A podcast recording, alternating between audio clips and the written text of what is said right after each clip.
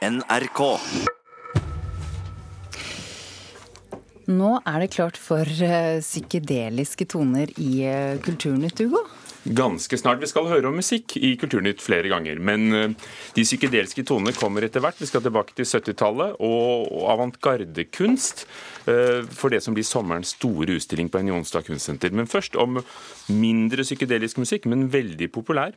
Det viser seg at nesten halvparten av folk under 30 år i Norge bruker nå YouTube når de skal lytte til musikken sin. Og selv om nye tall viser at inntektene fra musikkstrømming øker, er norske artister og plateselskaper og andre som har laget musikken, så lei av at de ikke tjener noen ting når folk bruker YouTube, eller så å si ingenting, at de tar affære. En av dem er Fredrik Auke, bedre kjent som Freddy Kalas. Det ville vært mer rettferdig å få betalt litt mer for det, egentlig siden veldig mange andre strømmetjenester har høyere at du får høyere prosent fra andre steder. Jeg trenger ikke båt, penger og biler, følger ikke strømmen, det har jeg ikke tid til. Lever her og nå, lever illegal, er jo bare jo-jo-jo-jovial. Freddy Kalas sin hit 'Jovial' er spilt av over åtte millioner ganger på YouTube. Nesten halvparten av de under 30 år i Norge bruker nemlig YouTube når de skal høre på musikk, viser en undersøkelse gjennomført av Kantar Media. Veldig enkelt og gratis å bruke for folk, men ikke spesielt lukrativt for artistene og plateselskapene. Når man eh, hører på musikk på YouTube, som veldig mange gjør, og de aller, aller fleste benytter jo YouTube til å høre på musikk, da går det så å si ingen penger tilbake til artist, til plateselskap eller til opphavsmenn. I motsetning til tjenester som Spotify og Tidal, der artist, plateselskap og opphavsmenn alltid får noen få øre utbetalt hver gang du trykker play. Hun du hørte, heter Marte Thorsby. Jeg er eh, direktør i IFPI Norge. Representerer eh, de større internasjonale plateselskapene og norske plateselskaper i Norge. Nordmenn hører stadig mer på musikk. Det viser en rapport fra bransjeorganisasjonen IFPI, som publiseres i dag. Men Det vi er bekymret over, og som vi ser på som eh, naturligvis et stort problem, er at uh, inntektene fra musikk ikke står i forhold til den enorme veksten i konsumet, og da særlig fra tjenester som YouTube. Altså, for å forklare litt. Rapporten viser at det ble solgt musikk for hele 730 millioner kroner i Norge i fjor. Men kun litt over 4% av disse inntektene kom fra YouTube selv om nordmenn bruker YouTube ofte for å høre på musikk. Spotify må betale for hver eneste avlytting av musikk. YouTube gjør det ikke. Men fordi så mange bruker YouTube, er tjenesten viktig for artistene. Spesielt veldig bra i forhold til uh, de yngre publikummet mitt. Siden uh, YouTube er jo på en måte en plattform som blir hyppig brukt av barn barn helt opp til 15-årsalderen. Sier Freddy Kalas. Nå jobber IFPI og andre bransjeorganisasjoner med å endre lovverket, slik at YouTube også må betale artistene, plateselskapene og opphavspersonene når du hører på deres musikk. Og Det regelverket jobbes det jo veldig intenst for å endre eh, i EU. Eh, der har man jobbet i flere år, og der nærmer vi oss avslutningen. Så vi er naturligvis veldig spent på hva dette ender i. Flere bransjemedier har meldt at YouTube snart vil lansere en ny musikkstrømmetjeneste, der du må betale for å høre på musikk. YouTube vil ikke kommentere dette overfor NRK, men en talsperson for tjenesten kommenterer kritikken mot dem på følgende vis i en e-post. YouTube samarbeider med musikkindustrien for å sikre mer inntjening til musikere, plateselskaper og utgivere. Bare de siste tolv månedene har YouTube brakt inn mer enn én milliard dollar til musikkindustrien gjennom reklameinntekter, og denne summen øker fra år til år. Slik lød YouTubes svar til oss. Reporter her var Christian Ingebretsen. Audun Molde, forfatter av den helt nye boken Pop, en historie som ikke bare snakker om musikken, men også handler om musikkbransjen. Hvorfor er det blitt sånn at musikere knapt tjener noe på YouTube? Det har blitt sånn fordi vi har uh, streamingtjenester nå som vi alle bruker, som Spotify, Tidal, Apple Music osv. Og, så og disse betaler jo for hver gang vi hører på en sang. Mens disse tjenestene som f.eks. YouTube, for så vidt også Soundcloud og Facebook, uh, de har ikke et sånt system. Og de brukes veldig mye som, som musikk, rene musikktjenester, på samme måte som Spotify bruker vi YouTube. Men de opererer med et helt annet eh, lovreglement. Og det har opprinnelse i da disse tjenestene ble til. Husk at en gang så var jo YouTube et sted hvor du og jeg kunne legge ut bilder av eh, tabber og søte katter og sånn. Akkurat som Facebook en gang var et sted hvor man kunne holde kontakt med venner, og Amazon er en bokhandel. Gjennom tidene så har jo disse selskapene vokst seg store og mektige og noe helt annet enn en gang var. Mens lovverket som disse fremdeles hviler og er fundamentert på, det henger igjen i sånn som det var da disse selskapene starta for 15-20 år siden. Så når så, YouTube ikke betaler noe til artister, eller veldig lite, så er det ikke ulovlig? Nei, det gjør ingenting galt. Men det som eh, vi hører i innslaget her, da, det er jo at eh, man opplever det som en ubalansert og en urimelig konkurransesituasjon. Hvor folk egentlig bruker Spotify og YouTube på ca. samme måte for å høre på musikk. Men det er da helt ulike konkurransevilkår disse har, og de er helt ulike typer inntekter til musikere, artister og låtskrivere. En illustrasjon på det her, at inntektene i fjor i Norge på salg av vinylplater var vesentlig større enn inntektene fra YouTube. Hvorfor velger da musikere, artister, rettighetshavere å legge musikken på YouTube? De kunne med loven i hånden gått og fått fjernet. Hvis alle musikere gjorde det, så ville det ikke blitt så populært. Nei, men det er vel dilemmaet her, da, og paradokset, at vi alle er veldig glad i YouTube. Og Man kan jo trekke kanskje en liten parallell som kanskje noen eldre mennesker husker da MTV drev med musikkvideoer på 80-90-tallet. Da også ga jo platebransjen bort innholdet sitt til MTV, for man så på det som ren markedsføring. Og det gikk ikke masse penger inn til artister og selskaper fra MTV. Men ingen kunne vite hvor stort og viktig MTV skulle bli. Og nå er det YouTube som er vår tids MTV. Og man føler jo at man kan ikke bare la være å bruke YouTube. Som Freddy Kalas også sier i innslaget her, så er jo YouTube kjempeviktig og, og, veldig bra. Så det er et stort dilemma, rett og slett. Så når YouTube da lever under denne loven fra 98, The Digital Millennium Copyright Act, som, som gjør at de kan gjøre dette helt uh, lovlig, uh, hvordan komme ut av det, hvis det er sånn at en samlet musikkbransje har sett at dette går ikke lenger? Det skulle jeg ønske at jeg hadde et godt svar på, men det er jo det vi får håpe nå kommer fra EU og Europakommisjonen. Det jobbes jo veldig mye med dette her. Dette er jo et internasjonalt problem, det er ikke et norsk problem. Og husk at YouTube er eid av Google. Her er det storkapital vi snakker om. Og det handler jo dypest sett om hvordan vi som forbrukere fyller disse selskapene med kreativt innhold.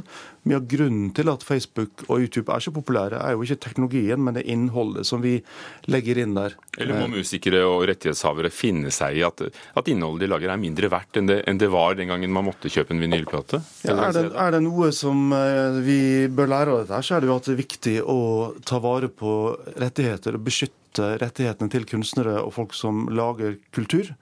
Eh, og det må stadig oppgraderes med den teknologien som vi til enhver tid har. Og Det er en stor utfordring, og den kommer til å fortsette. YouTube er stor nå. Uh, MySpace var kjempestor for noen år siden. Uh, titt litt inn i fremtiden, er du snill, Audun Molde? Og Før det var Napster veldig store, og Napster lærte oss at musikk er gratis. Og sånn føles det på YouTube nå. Uh, jeg er optimist, men ting kommer ikke helt av seg sjøl her. Det må jobbes for å lage en bærekraftig, et bærekraftig økosystem som gjør at vi kan drive innovasjon, at vi kan ha spennende teknologi, samtidig som det går inntekter tilbake til de som har skapt innholdet som er der. Takk skal du ha, Audun Molde, forfatter av Pop, en historie som nylig kom ut om eh, tallene som viser hvordan vi hører på musikk, og hvor vi gjør det.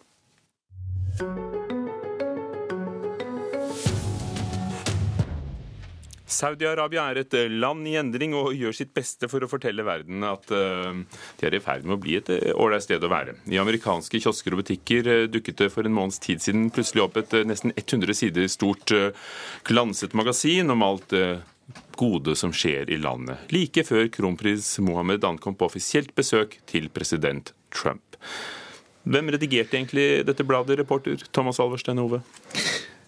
Uh, magasinet, unnskyld, magasinet The New Kingdom, som det het, det nye kongedømmet, det var utvilsomt en, en ren hyllest til Saudi-Arabia og kronprins eh, Mohammed. Møt den nye kongen var en av overskriftene. Vår nærmeste allierte i Midtøsten og en ødelegger av terrorisme en annen. Det ble utgitt av mediekonsernet AMI, som også står eh, bak tabloidavisen The National Enquirer. Magasinet var helt uten annonser, og det har skapt spekulasjoner om alternative motiver, for eh, utgivelsen. AMI vet vi har tette bånd til Trump-administrasjonen, så en mulighet har vært å kjøpe goodwill i Saudi-Arabia på, på, vegne av Trump. New York Times har skrevet at eh, AMI forsøker å skape et medieimperium i Midtøsten, og skal også ha forsøkt å samle sammen arabiske investorer for å overta det liberale nyhetsmagasinet Time. Så det kan være smøring i så henseende. Og så kommer det helt nye opplysninger på banen. Det gjør det. Nyhetsbyrået Ap de har fått tak i digitale spor som viser at saudiarabiske myndigheter fikk oversendt magasinet til gjennomsyn før det ble publisert. Sporene viser at militærpersonell ved ambassaden i eh, Washington, samt ambassadens pressetalsmann, som også tilfeldigvis er bror til utenriksministeren, de har lest magasinet, og de har spredd magasinet. Saudi-Arabia avviser både at de i det hele tatt har sett magasinet, og enda mindre at de har styrt noe av innholdet i det. Men da han kom til London på besøk eh, tidligere i vinter, så fikk han store plakater over hele byen med bilde av seg selv og Saudi-Arabia, et, et, land i endring. Samtidig lanserer kronprins Mohammed av Saudi-Arabia flere gode nyheter? Ja da, det tar ingen eh, slutt dette, kan det se ut som. I morgen skal hans far, kong Salman, offisielt starte arbeidet med å bygge en gigantisk underholdningsby utenfor hovedstaden Riyadh. Den 334 kvadratkilometer store byen skal inneholde alt fra fornøyelsesparker til motorsportarena og safaripark. Alt dette er en del av landets fremtidsplan Visjon 2030, som altså er kronprinsens hjertebarn. Den handler om hva Saudi-Arabia skal leve av etter oljen, og der er kultur og underholdning pekt ut som hovedsatsinger. Det interessante da er jo at for å få til et levende kulturtilbud, så må landet lempe på mange strenge regler. Og det gjorde de bl.a. forrige uke. Da åpnet den første kinoen i landet på flere tiår etter at det har vært forbudt. Så i Saudi-Arabia snakker de sikkert også om hva som skal være den nye oljen. Takk, Thomas Alversten Ove.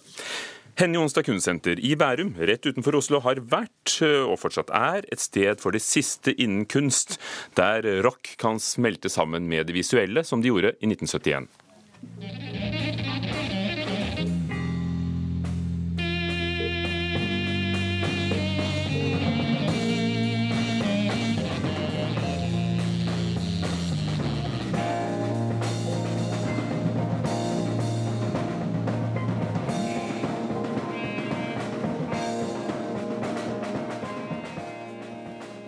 Dette er det engelske egentlig rockebandet Soft men dette er kanskje mer psykedeliske toner. På Henny Onsdag Kunstsenter live i 1971 og sommerens utstilling på senteret kobler dem med skal vi si, en familiebedrift, et familieprosjekt. Mona Palle Bjerke, vår kunstkritiker. Hvem er The Boyle Family? Ja, Det er da Mark Boyle og Joan Hill, et skotsk eh, kunstnerpar, som eh, tok med seg barna sine, Sebastian og Georgia Boyle, inn i sitt kunstprosjekt. Det er jo ofte sånn at vi tenker at eh, gjerne familieliv går litt på bekostning av kunst, men sånn var det ikke her. Allerede fra fire års alder så var disse barna drevne assistenter for sine foreldre. Nå er jo barna i 50-årsalderen og er, på en måte bærer dette familieprosjektet videre. Og dette lysshowet som de viser eh, på Henionsa kunstsenter, det er da det som ble lagd mm. til denne konserten vi hørte fra i 1971. Hvordan får de det til? Ja, Dette er jo eh, helt fantastisk. De, er jo veldig, de lagde, skapte jo sin, sin kunst og sine strategier på 60-tallet, så det er jo veldig preget av poppens lekende, overflatedyrkende estetikk. Men det er så veldig mye mer enn overflate hos uh, The Boyle Family. De er så opptatt av vitenskap, de er så opptatt av naturens prosesser, av kjemiske prosesser. Og de skaper da disse lysshowene som de skapte for Pink Floyd, for Jimmy Henriks, for Soft Machine, uh, ut av forskjellige forsøk med f.eks. For kroppssekreter. Dette her er jo det vi ser på Henny Onsdag Kunstsenter. Det er jo fantastiske farger. Det er som å være inne i et maleri mens det blir til. Plutselig er hele rommet blussende rødt før det blir dyp lilla. Og så er det faktisk da blod som Altså de har prøvd å brenne blod, eller blande urin med magnesium. Og det er det som genererer disse fantastiske formene og fargene. Bobler som brister, som avføder nye former. Utrolig fascinerende. da, men, men, men Ser du det som en film? Er det et opptak fra 1971, eller, eller hvordan skjer dette? Nei, Det er altså lys som er projisert på veggene i den ene Prisma-salen, så du står midt inni denne, dette fantastiske lysshowet. Kunst og vitenskap, er det der magnesiumen kommer inn i bildet, eller hvordan kobler de det? Absolutt. sånn at De, de studerer f.eks. For forskjellige kroppssekreter som blod og svette, som tårer og urin, og skaper på en måte maleriske uttrykk ut av mikroskopbilder.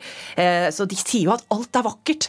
Det er postulatet til Boyle-familien. At det er ingenting som er mer verdt å avbilde enn noe annet. Og de har jo bl.a. da eh, understreket dette ved å kaste dartpiler på London-kartet, hvor de da oppsøker det stedet der pilene treffer, og gjengir eh, selve overflate, dette lille stykket overflate. Og verdenskartet. Ja, og verdenskartet. Dette er jo da dette prosjektet som heter Journey to the Surface of the Earth, hvor de da har latt vennene sine kaste dartpiler på verdenskartet.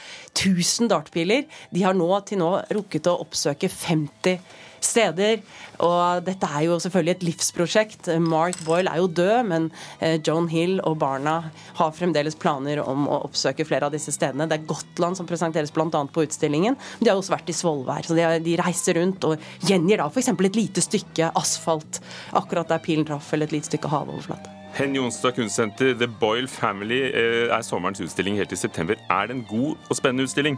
Og dette er et utrolig fascinerende prosjekt. Dette er jo et livsprosjekt og et familieprosjekt og et kunstprosjekt. Så svaret er ja? det Ja, det er det virkelig. Takk skal du ha. Mona Palle Bjerke, og så er det Softmaskin vi har i bakgrunnen, som er tonene. Du, I Studio 2 i ettermiddag klokken 16 så dukker du opp i serien Mona den eldre kunsten. Hva skal du snakke om da? Ja, Da skal vi snakke om Caravaggio. Dette mennesket som er Hvis biografi er som hans liv. Mye ligger i stummende mørke, men i liksom lysglimt så kan vi ane konturene av en utrolig ukonvensjonell person og en opprører.